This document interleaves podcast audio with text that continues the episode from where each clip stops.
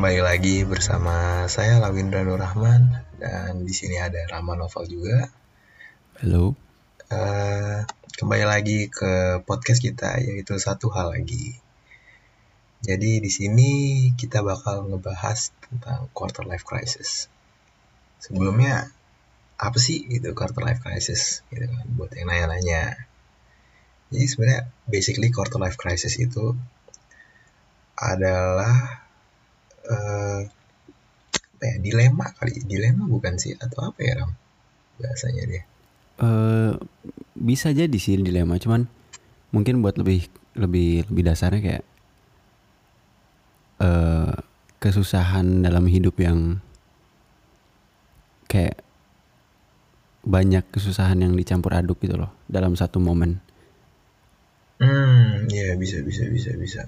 Mungkin mungkin quarter life crisis ini bisa dibilang fase kehidupan kali ya. Iya, betul betul. Bisa bisa. Siap siapa pun mau dia sekastanya kasta ekonominya setinggi apa pun, kasta kasta sosial setinggi apa pun, serendah apa pun itu atau setinggi apa pun itu, pasti orang ini bakal mengalami yang namanya quarter life crisis. Betul gak? Betul betul betul. Iya kan?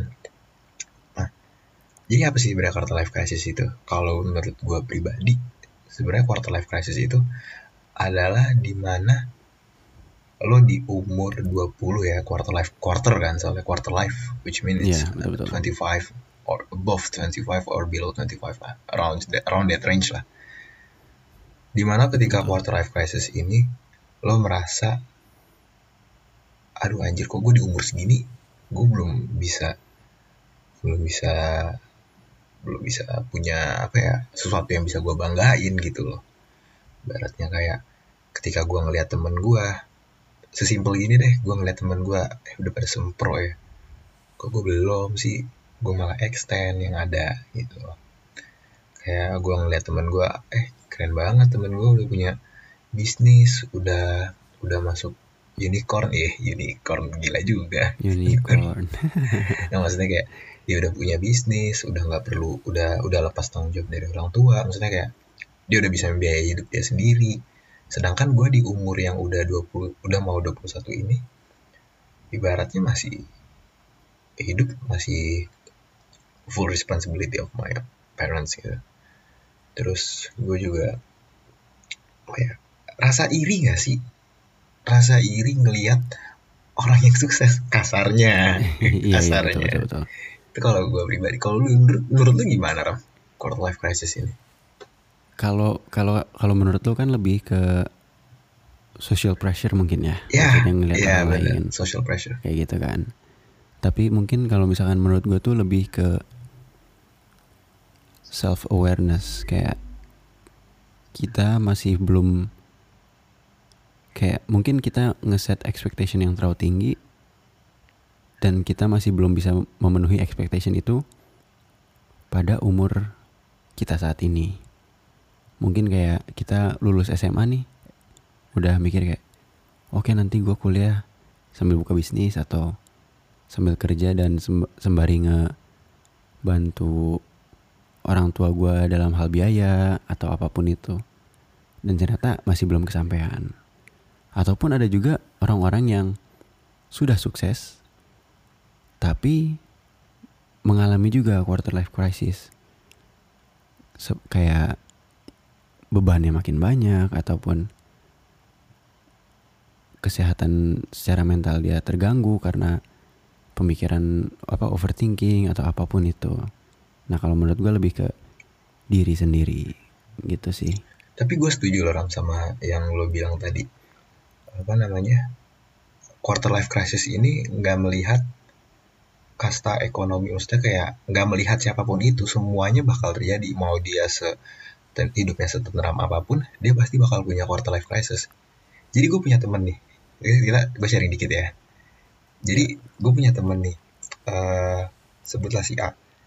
Si A ini emang hidupnya itu udah tentram banget lah udah udah udah settle lah ibaratnya. Bokap gue bokapnya dia punya perusahaan ini punya perusahaan itu gitu loh.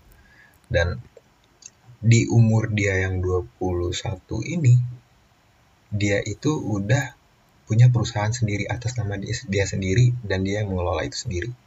Tapi ketika gue ngobrol sama dia dia masih merasai yang namanya quarter life crisis.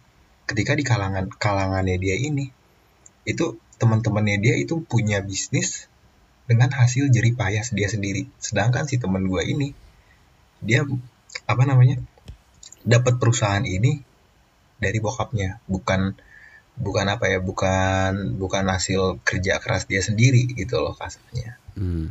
maksudnya kayak gue setuju. Kasarnya legacy gitu gak sih? iya legacy legacy Hmm. ya walaupun kalau misalnya kita melihat sebagai orang awam ya kita melihat wah keren banget nih orang udah punya bisnis udah punya perusahaan yang hitungannya udah multinasional gitu Hmm. tapi ketika kita menaruh diri dia diri kita di dia ternyata masih ada lagi orang yang di atasnya dia gitu loh Iya betul. Kayak- betul. apakah ini kembali lagi ke sifat manusia yang nggak bakal puas gitu loh. Hmm. nggak tahu ya gue menurut gue kalau quarter life crisis ini sebenarnya kembali lagi ke sifat sifat dasar manusia di mana kita sebagai manusia nggak pernah puas gitu Iya betul betul. Eh ini apa ya? Jadi gue tuh waktu itu sempat ngebaca satu kutipan dari puitis ini apa namanya Perancis Hmm. Voltaire namanya. Dia ngomong the perfect is the enemy of the good. Jadi kita tidak akan kita tidak akan bisa menjadi orang yang baik kalau misalkan tujuan kita itu menjadi orang yang sempurna. Karena kita akan walaupun orang ngelihat kayak tadi lu bilang lu ngelihat temen lu udah punya bisnis terus lu ngelihat kayak wah gila keren banget nih bisnisnya dia udah multinasional. Tapi ternyata masih ada lagi di atas dia gitu loh. Dan dia pun nggak tidak bahagia dengan keadaan dia sendiri karena dia ngelihat kayak wah di kalangan gua misalkan contoh dia udah nyebar ke Amerika nih ke Eropa segala macam sementara gue masih main di Malaysia di Singapura gitu nah itulah yang istilah definisi the perfect is the enemy of the good karena kita tidak akan bisa menjadi orang yang baik kalau misalkan kita masih bermimpi untuk menjadi orang yang sempurna. Gitu. Itu sih menurut gua. Cocok banget untuk untuk permasalahan seperti ini ya. Iya juga ya. Tapi gini deh kalau lo pribadi ya Ram lo pribadi Mm-mm. lo pernah merasakan quarter life crisis gak sih eh gimana ya mungkin gue ngelihatnya lebih kayak mungkin tidak separah quarter life crisis cuman adalah masalah-masalah pada saat ya seumuran segini gitu loh kayak ya contoh paling gampang mungkin ber- karena berhubung kita anak-anak kuliahan ya Mm. permasalahan nilai nggak sih nilai itu paling Iya. Paling dipermasalahin sama kita paling dipikirin. Terus ya masalah keuangan segala macem masalah apalagi ada ada juga masalah internal kayak masalah-masalah keluarga ataupun masalah kesehatan jasmani Dan dan rohani asik. Ya, yang kayak gitu-gitu sebenarnya kayak rohani harus diperbaikin banget sih. Iya. Karena ya little things itu yang mungkin kata orang kayak ah permasalahan apa sih? Cuman gini gini gini doang gitu cuman bagi kita ya ya setiap manusia kan memiliki kapasitas sendiri untuk betul. untuk untuk apa ya untuk untuk merespon kepada masalah gitu ya kan. Nah ya menurut gue sih ini udah overwhelming bagi gue ya. Betul betul. Tapi Cuman mungkin kalau misalkan gue udah cerita ke orang lain mungkin ada aja yang mikir kayak ah cuman gini doang ternyata permasalahannya gitu. Karena gini loh gue gue setuju loh sama yang lo bilang. Maksudnya kayak ketika lo punya masalah lo sebenarnya lo nggak nggak nggak berhak untuk nge-compare masalah lo dengan masalah kayak ketika ketika orang cerita kayak eh gue ada masalah ini ini ini ini ini. Dan lo lo ngomong kayak oh masalah lo gitu doang. Maksudnya kayak mungkin di mata lo itu bukan suatu hal yang seberapa gitu loh. Tapi apa yang dia rasain itu berbeda banget gitu loh. Kayak mungkin it's a big thing untuk dia tapi lo nggak tahu gitu loh. Lo belum lo belum mencoba untuk memposisikan diri di dia. Gitu. Gue gue gue setuju sih sama itu ya. Kayak kayak, kayak asik aja gitu. Tapi iya emang iya sih itu mungkin ini ya sedikit sedikit ranting dikit nih. Itu salah mungkin salah satu pet peeve terbesar gue ya. Ketika kita mencoba untuk terbuka kepada kepada orang lain dan ternyata respon mereka tuh kayak masalah lu masih kayak gitu, masalah gue begini-begini. Nih. eh sumpah gue kadang Itu- gue kadang suka off loh sama orang kayak gitu. Iya kan orang-orang kayak gitu yang yang ngebuat kayak oh gitu ya. Jadi kayak kita tuh nge, nge- apalagi sampai nge-trigger di dalam diri kita kayak oh ternyata permasalahan kita tidak valid ya gitu loh. Nah itu tuh sangat menurut gue berbahaya banget karena ya setiap permasalahan orang-orang tuh beda dan cara mereka menangkapinya kan beda juga.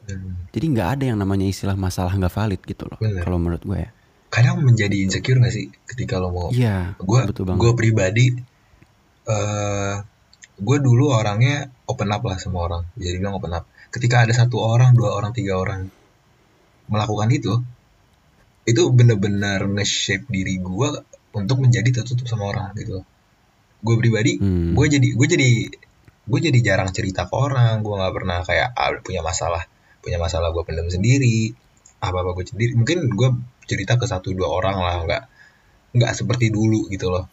Dan hmm. kadang gila juga ya mesti kayak kata manusia se ah masalah lu simple gitu doang? Itu bisa ngerubah personality orang. Iya makanya mulutmu harimaumu. Setuju gue ya kan? Ya em- iya sih itu apalagi menurut gua sangat disayangkan lah gitu loh. Ada orang yang coba yang sudah mencoba untuk terbuka ke lu dan ternyata respon lu tuh malah bukan menyemangati tapi menjatuhkan betul. diri diri dia sen- di- diri orang yang cerita ke lu itu tuh apa ya? Jadi malu ya gak sih? parah banget lah gitu loh. Gue sebagai orang yang dituin gue malu sumpah.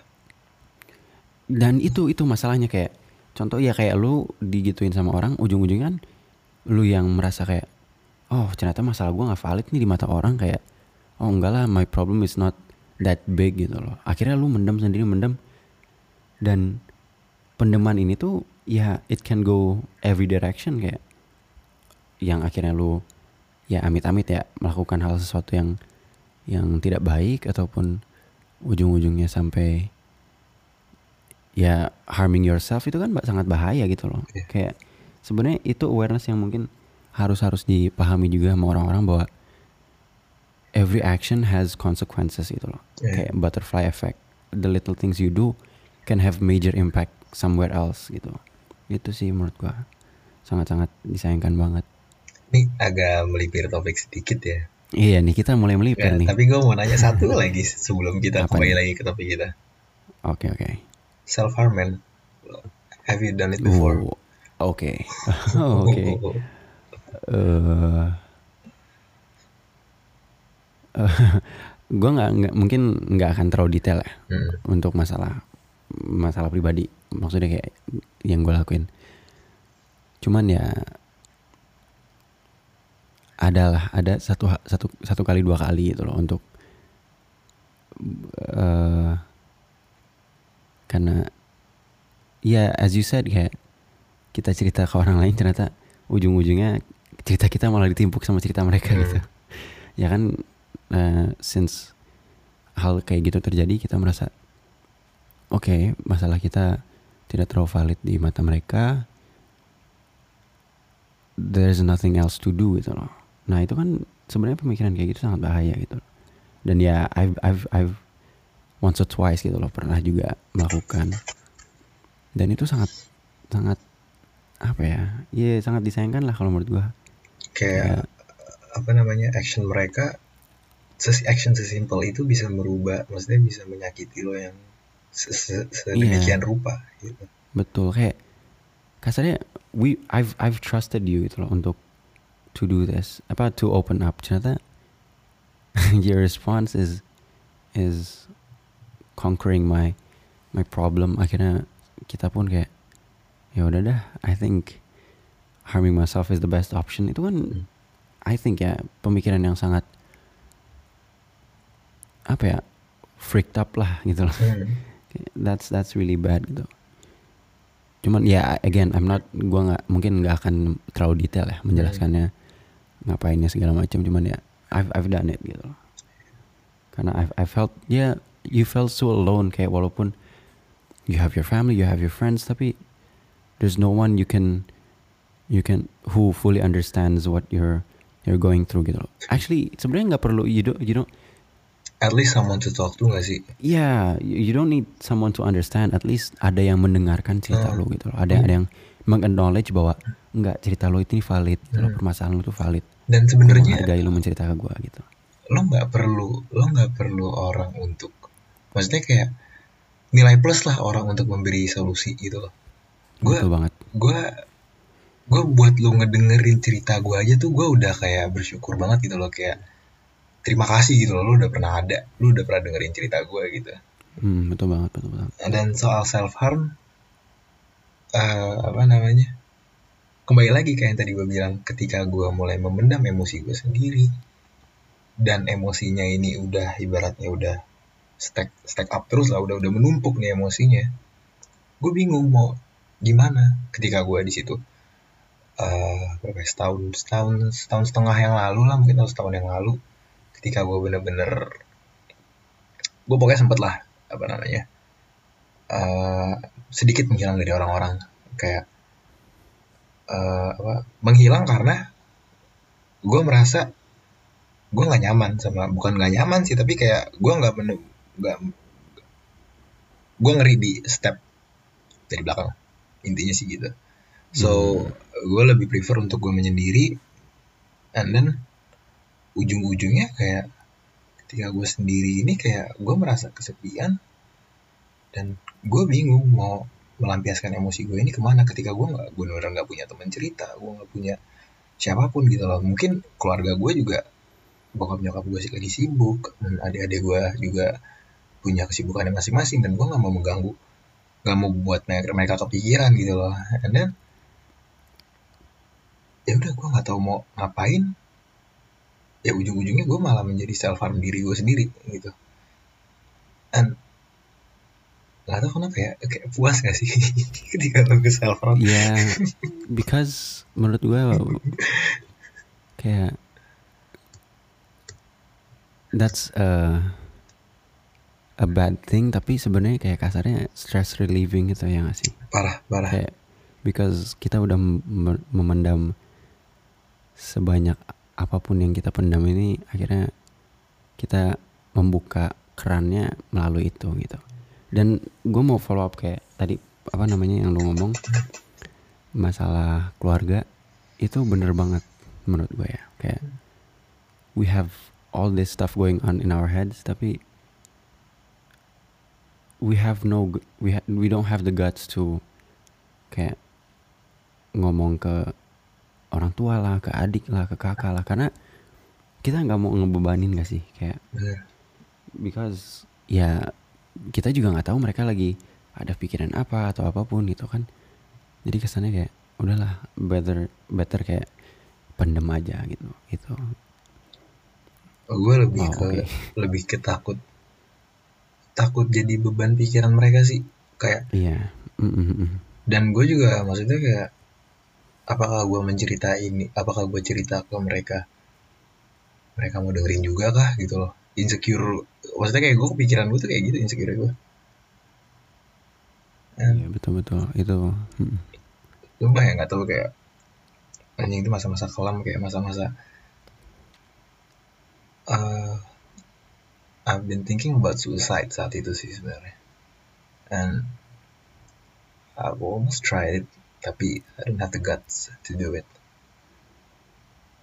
and yeah it's it's, it's really fucked up lah anjing masa-masa itu eh sorry Yeah. di sini nggak apa-apa crossing kan nggak apa-apa lah oke oke Iya, I mean, yeah, we're. I mean, gua personally lah. Uh, thank you for not doing that. Yeah. Like, yeah, I mean, ini sebenarnya gua mau niat ngomongnya di akhir ya sebelum penutupan cuman to whoever ke siapa pun yang memiliki thoughts of harming yourself sampai taking your own life, just know that kalian gak sendiri gitu loh. You have your friends, you have you have your family dan kalau misalnya kalian merasa tidak nyaman untuk cerita ke mereka there are people who are willing to help there are people who are willing to listen to your problems and guide you through your problems. And to those who are uh, beating others by menceritakan masalah kayak tidak memvalidasi masalah orang lain please stop gitu loh. Kayak ya as we said permasalahan tiap orang beda dan kapasitas orang untuk memproses permasalahan itu berbeda-beda. Ada yang mungkin memiliki toleransi yang lebih besar ada pun yang dikit-dikit kasarnya tuh dikit-dikit kayak mewek dikit-dikit dipikirin kayak gitu. Itu pun itu sebenarnya normal gitu maksudnya it's it's it's valid kayak your thoughts matter. Jadi ya just don't don't feel so alone. Like there are people who are willing to listen. And kalau misalnya lu emang merasa belum siap untuk menceritakan masalah lu ya take a step back.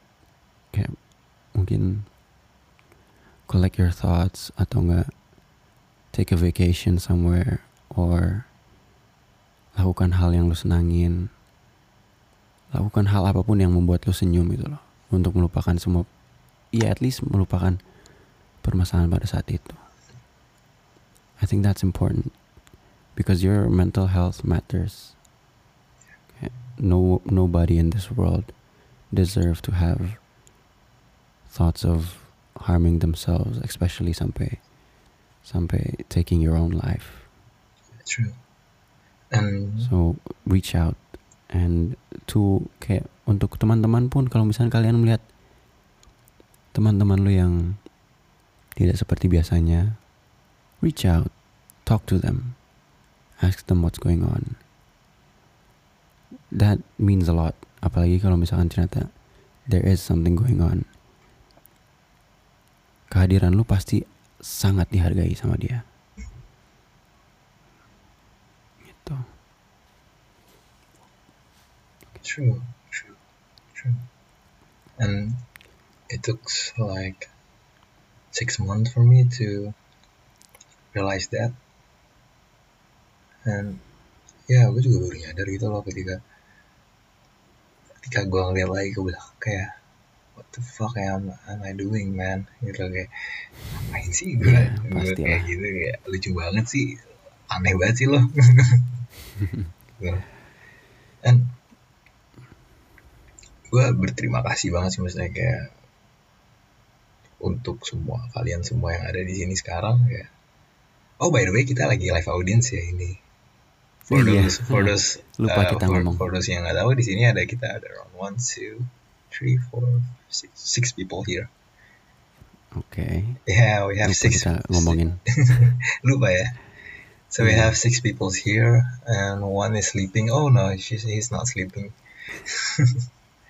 Yeah we have six people here. And thank you guys for uh, listening our first e- first ever episode and that that means a lot to us. It does. Oke kembali ke topik. Jadi Oke. melenceng sekali kita. Melipirnya melipirnya ini ya hampir hampir 90 derajat kita. Udah mau penutupan nih ya?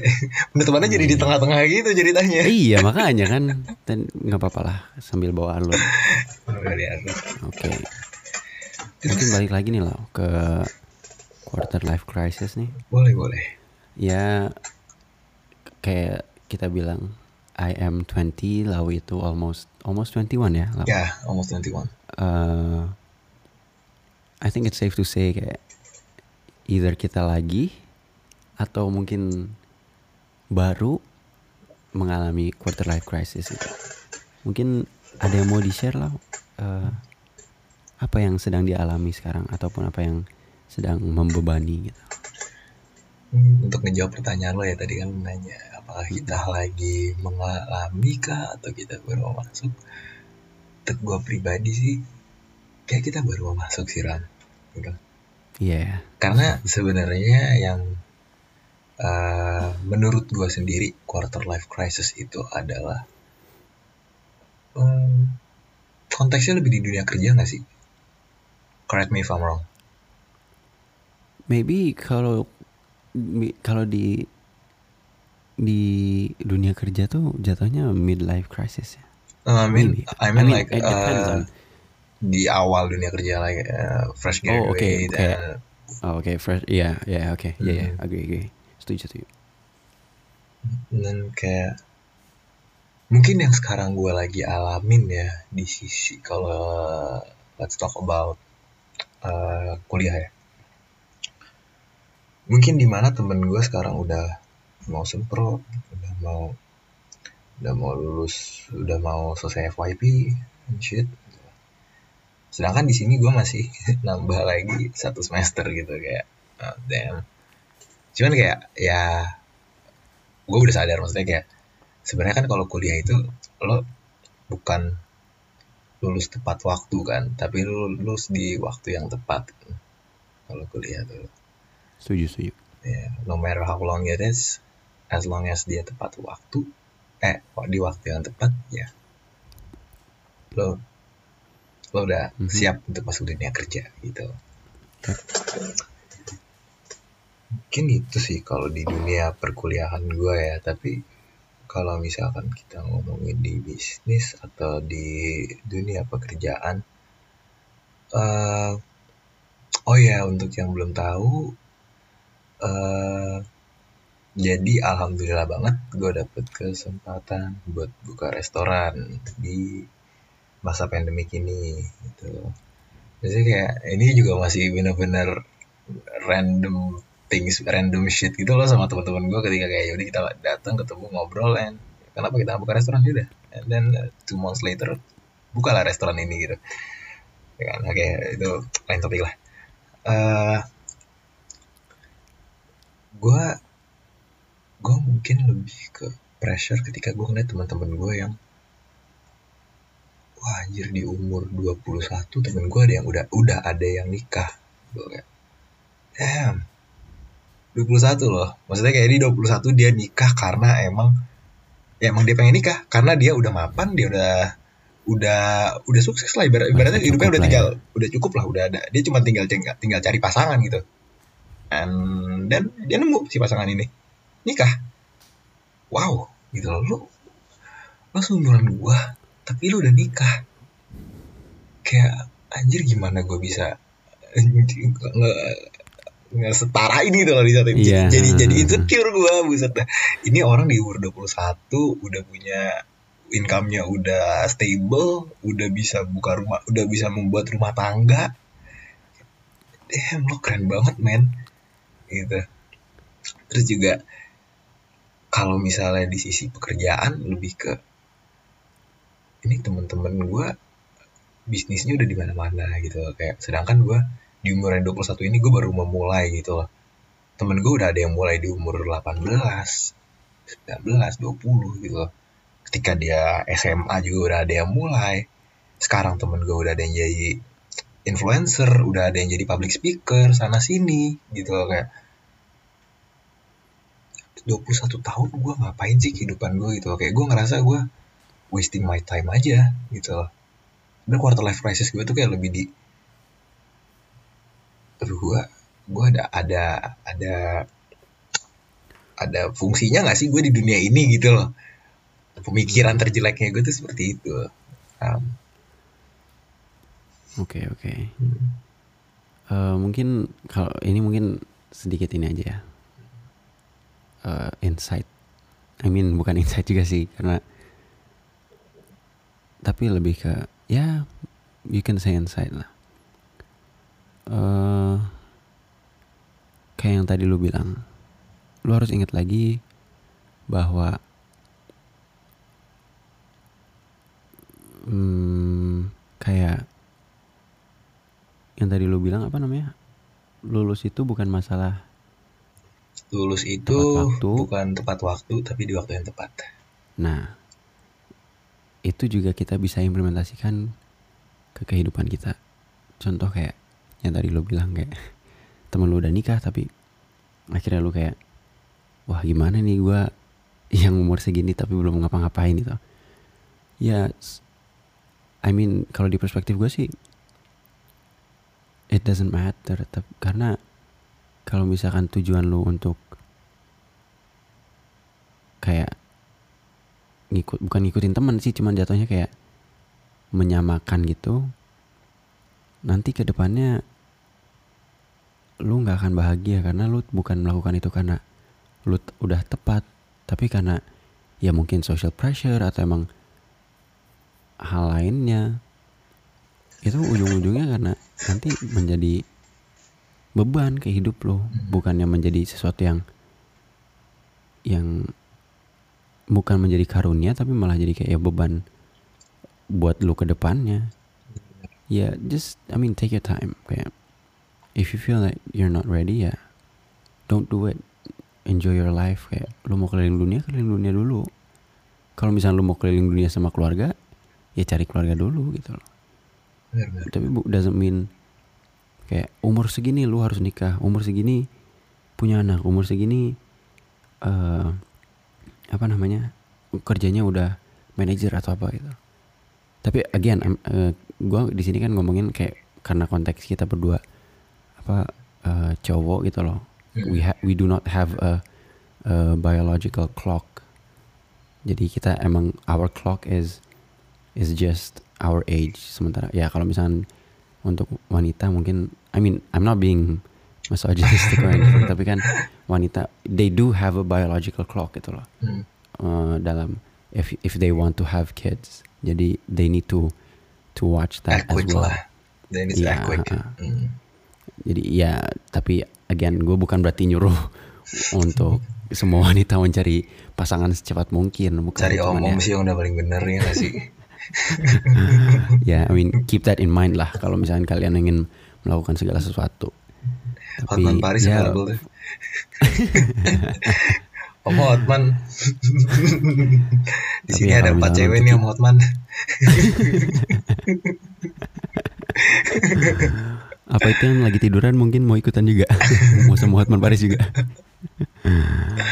Iya, tapi I mean uh, untuk cowok-cowok kan our clock is I guess our age only gitu jadi we still have have a lot of time to think about other things as well. Yeah. So just take it easy take life. Jangan jangan jangan terlalu terpaku sama sama umur dan achievements. Just ya yeah, take it slow. Tapi jangan jangan reckless juga dalam dalam dalam managing waktunya. Harus harus harus ya harus pinter juga lah managing waktu. Jangan ya oke okay, gue mau jalan-jalan sampai gue umur 40 ya 40 lu mau nikah sama siapa? Ya, tahu lihat kondisi juga lah gitu ini iya, iya benar benar benar. Ya. oh, mungkin gue pengen nanya sih Ram kayak lo lo Kenapa sendiri lo sendiri kalau misalnya nggak overcome si quarter life crisis itu kayak gimana sih? Uh, mungkin krisis gue lebih ke sekarang ya. Uh-uh. I mean, mungkin gue gue tipikal orang yang udah bukan bodoh amat sih, cuman kayak udah capek sama sama social pressure. Jadi kayak gue udah udah ya adalah kayak satu sekali dua kali kayak gue ngeliat teman-teman gue yang udah punya bisnis kayak wah gila mereka udah punya bisnis gue gue gue punya apaan nih sekarang umur segini belum punya apa-apa tapi mungkin yang lebih sering-sering kepikiran sekarang ini gue ke depannya mau jadi apa hmm. karena jujur ya gue masih agak sedikit masih di dalam area abu-abu ya untuk yeah. itu karena gue menginginkan kayak banyak hal tapi ada beberapa yang tidak dimungkin ada ada beberapa yang tidak memungkinkan dan ada beberapa juga yang tidak diperbolehkan mungkin ya kasarnya. Jadi ya itu sih yang ngebuat gue bingung kayak gue ke depan mau kerja di mana? Gue dapat duit dari mana? Itu sih karena ya ya gue udah mencoba untuk membuat bisnis. Ujung-ujungnya begitu-begitu. Ya going nowhere kayak stagnan aja gitu loh. Nggak nggak nggak naik nggak turun. Jadi kayak oke I, I think this is not for me. Akhirnya gue mikirnya kayak oke gue harus kerja di mana? Nah itu sih mungkin yang agak sedikit terus terus kepikiran sama gue karena ya tadi yang lu, lu bilang gitu gue nggak mau nggak mau terus dependent kepada orang tua. Yang pertama kayak nggak etis nggak enak dan ya I mean ya mereka juga udah kayak nanti kamu lulus cari kerja ya gitu loh. Ya itu ya, kan mereka mereka mengharapkan jadi- lah sebenarnya. Hmm, hmm, hmm. Maksudnya kayak tanpa gue mereka juga- ngomongin, tanpa mereka, oh, mereka mengharapkan itu. kan. iya betul. Dan gue juga ya pengen lah kayak siapa sih yang nggak mau ngebahagiain orang tua gitu ya nggak sih? Heeh. Itu loh. Ya itu sih yang gue mungkin pemikiran yang sering muncul di kepala gue sekarang ya. Gitu. Tapi ya mungkin nih lah. Walaupun ya, walaupun maksudnya kita masih berada di I guess early stages of of Quarter life quarter crisis. life ya. crisis. Tapi lu ada maybe ways to conquer the the thoughts that you have or the doubts gitu. Ada nggak? Gua ada sih sebenarnya. Eh, kayak lo lo pernah dengar kata-kata the art of not giving a fuck gak sih? Sorry? The art of not giving a fuck ada buku. Oh iya iya. Tahu kan? Tahu tahu. Karena emang sebenarnya untuk bersikap bodoh amat itu kadang ada baiknya juga. Untuk konteks-konteks seperti hal kayak gini gitu loh. Karena gini man. Hmm, hmm, hmm. quarter life crisis itu ada ketika lo menerima information. Ketika lo menerima too much information, it's not good for you. Ya kan?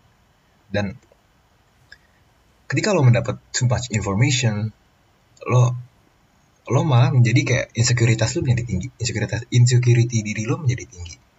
And Hmm, itu dari situ sebenarnya muncul si quarter life crisis. Ini dari point of view gue gitu. Hmm, hmm, hmm. So how to overcome it? Kita cari masalahnya di mana sih si quarter life crisis ini datangnya itu dari mana? Nah, menurut gue ini quarter life crisis itu ketika lo menerima banyak informasi, bisa dibilang dari sosial media, dari eh, ya sosial media lah, nowadays sosial media lah, mulut ke mulut sosial media, and etc. lah. Hmm, hmm, hmm. gitu. So one of my way to conquer is gue kadang suka ya udah gue off the grid dulu nih let's say uh, around six hours lah gue nggak interaksi sama orang gue nggak ngobrol sama orang. Gue finding my inner peace. Gue mencari kedamaian dari diri gue doing something that I like gitu loh kayak tanpa ya udah gue gue mau ngapain suka suka gue gitu loh. Misalnya kayak ya udah gue mau di kamar gue bugilan gak pakai baju juga ya udah yang penting kalau itu gue seneng ya gue lakuin gitu. Iya iya. so Aduh. that's how I conquer my quarter life crisis. Dengan menyortir information information yang gue terima.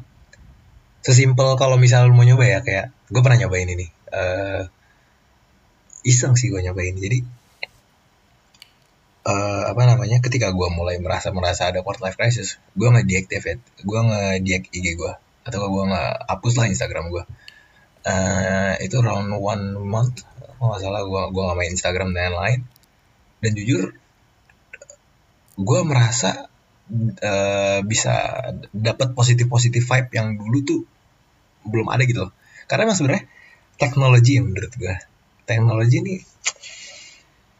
sebenarnya jahat men. Nah, itu gue setuju tapi mungkin itu kita kita next time kali ya next time Iya, next time, ya. sebenarnya teknologi itu jahat gitu. Oke back to the topic. Kayak intinya sih Iya. Hmm, gue intinya sih gue ngekat ngekat beberapa gue bukan ngekat sih lebih nggak sortir information information that I get Eh, dan apa ya kalau gue ngerasa diri gue aduh gue ini udah terlalu banyak information gue cut diri gue gue off the grid. Ketika gue udah siap untuk balik lagi ke dunia nyata gue balik. So that's how I overcome Ya, gue setuju sih sama lu kayak Hmm. karena I guess lu nggak bisa me menyelesaikan satu masalah tanpa mengetahui the root of the problem. Hmm. Dan I mean setelah berbincang dengan berpuluh-puluh teman yang saya punya gitu ya. Most of all kita memiliki permasalahan one thing in common, social pressure. Ya. Dan dari manakah social pressure itu datang? Dari yang lu bilang tadi, social media seperti ngeliat Instagram temen yang udah jalan-jalan sana sini Ah, betul. atau enggak udah ngebuat bisnis sana sini, udah nikah, udah punya anak sana sini gitu. ya kan itu kan sebenarnya ter- tergolong social pressure juga kan karena kayak kita ngeliat wah gila nih si A udah punya anak nih gitu. Terus ternyata dua minggu kemudian, wih si udah punya anak lagi nih cepet juga gitu. kan maksudnya kayak kita kita juga kayak wah kita belum ada apa-apa nih. Masih kasarnya kayak masih ngegoler-goler di kamar di kasur jam 3 jam 4 gitu nggak ngapain. And how to it ya I agree gitu gitu ya. We take a step back from all that. Either you deactivate your Instagram account or yeah I mean your social media account ataupun just turn off your internet altogether ya that's one way because ya yang lu tahu itu yang hal gue lakuin. Kalau misalkan gue sudah merasa overwhelmed terhadap sesuatu ya I legit kayak cut off all communications. Kayak Instagram gue deactivate eh social media gue matiin gue ngebaca berita segala macem. Gue cuman kayak I do what I love ya. Karena kebetulan ya what I love is listening to podcast. Ya gue ngedengerin ya podcast podcast yang santai gitu loh yang nggak terlalu nggak ngomongin politik nggak ngomongin apa gitu yang yang easy going lah gitu yang nyantai. Betul.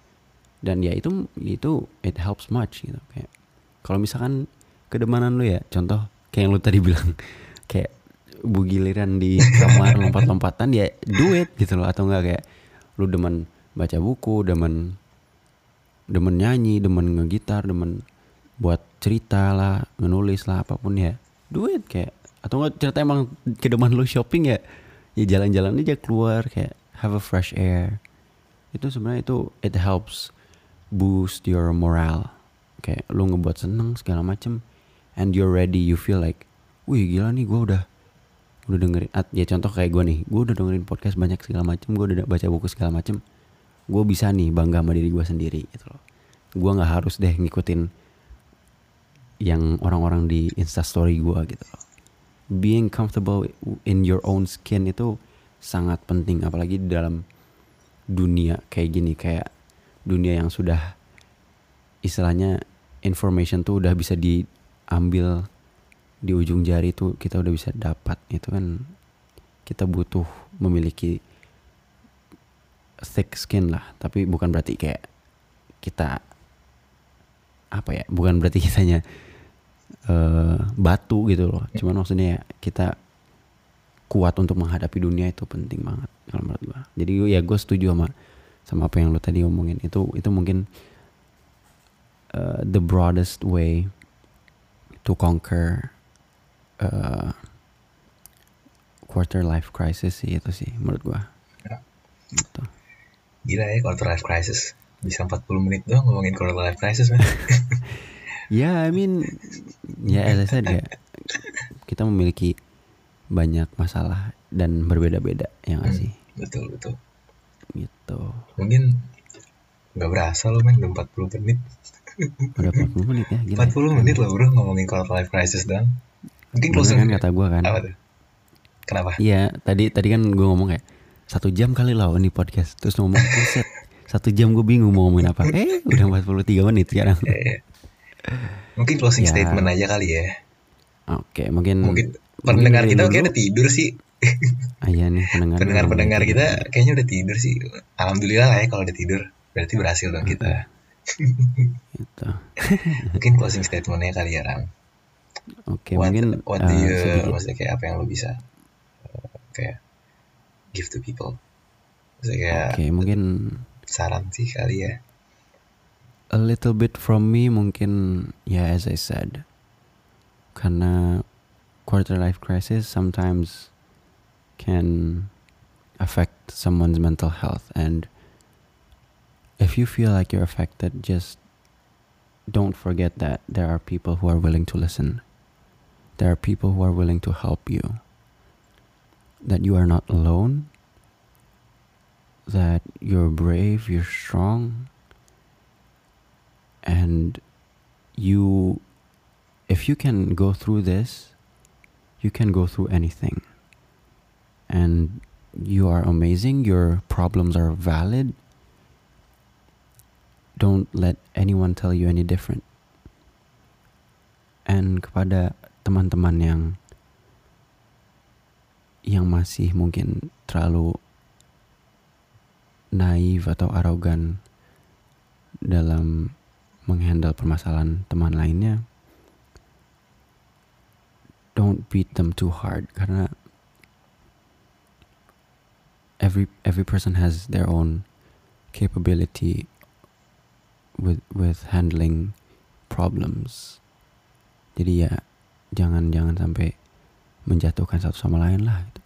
If you can't give advice just listen lu mendengarkan cerita orang yang memiliki masalah itu is beyond beyond amazing. True it helps, but it helps banget sih. ya it helps. Kayak lu kalau misalnya nggak bisa ngasih saran ya udah dengerin. Terus kayak wow man I'm sorry. Ya ngomong aja gue nggak bisa ngasih saran tapi makasih lu udah percaya sama gue makasih lu udah terbuka sama gue Acknowledge them kan. yeah acknowledge their problem. Make them feel validated. That's important and to those who are not I don't know mungkin ada orang yang tidak tidak merasakan quarter life crisis. Reach out. Hubungi temen lu. Tanya gimana kabar mereka? Gimana hari mereka? Ada yang bermasalah nggak? Ada yang bisa dibantu nggak? Kalau misalkan mereka lagi senang ya dengerin. Kalau mereka lagi sedih ya dengerin juga. If you can kalau kalian bisa ngasih saran lebih baik lagi.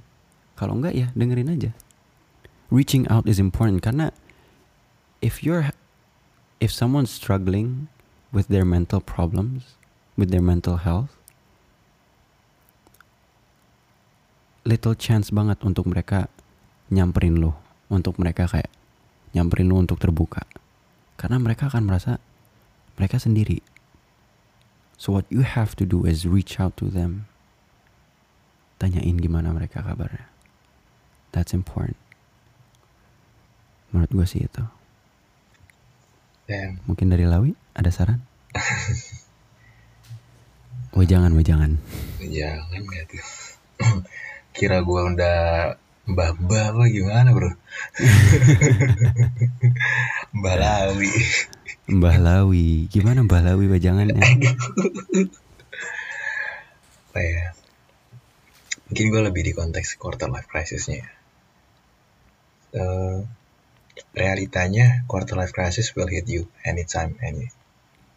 Mau kapan pun itu, mau mau mau siapa pun lo itu, mau siapa pun lo itulah, lo pasti bakal ada ngerasain quarter life crisis ini. Dan eh, lo nggak bakal bisa menghindari sih. Gitu. Dan saran mungkin saran dari gue eh mungkin saran dari gue lo the art of not giving a fuck is a must dalam konteks quarter life crisis Yes, And- agreed. as I said before kayak untuk lo ngesortir information that you get itu important juga dan mungkin sebagai manusia kita harus bisa lebih menjaga kayak apa yang apa yang kita mau loh, kayak eh, apa sih yang kita inginin gitu loh keinginan kita harus bisa kita lebih batasi gitu loh you get what I mean right Mhm. Paham, paham. Yeah. And I think if you do kalau lo ngelakuin tiga hal itu eh, menurut gua quarter life crisis lo nggak bakal separah yang apa yang orang-orang rasain lah gitu. I hope so. I and hope to. yet I'm still learn- learning juga Eh, Betul, betul. This is what ya gue cuma sharing in, gue cuma sekedar pengen sharing information on how I over overcome and yeah it it works for me and I hope it works for you all Amin, amin, amin. amen amen man Eh, nambahin dikit lagi, Dikit banget nih. Eh, kalau misalkan kalian mempunyai impian, karena yang tadi Lawi bilang ya, apa namanya maksudnya? The art of not giving a fuck. If you have a goal, don't let anyone ruin that. Jangan sampai impian kalian kegugah dengan omongan-omongan orang lain.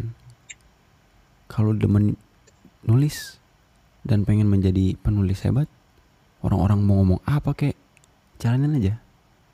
Find a way to keep going in there.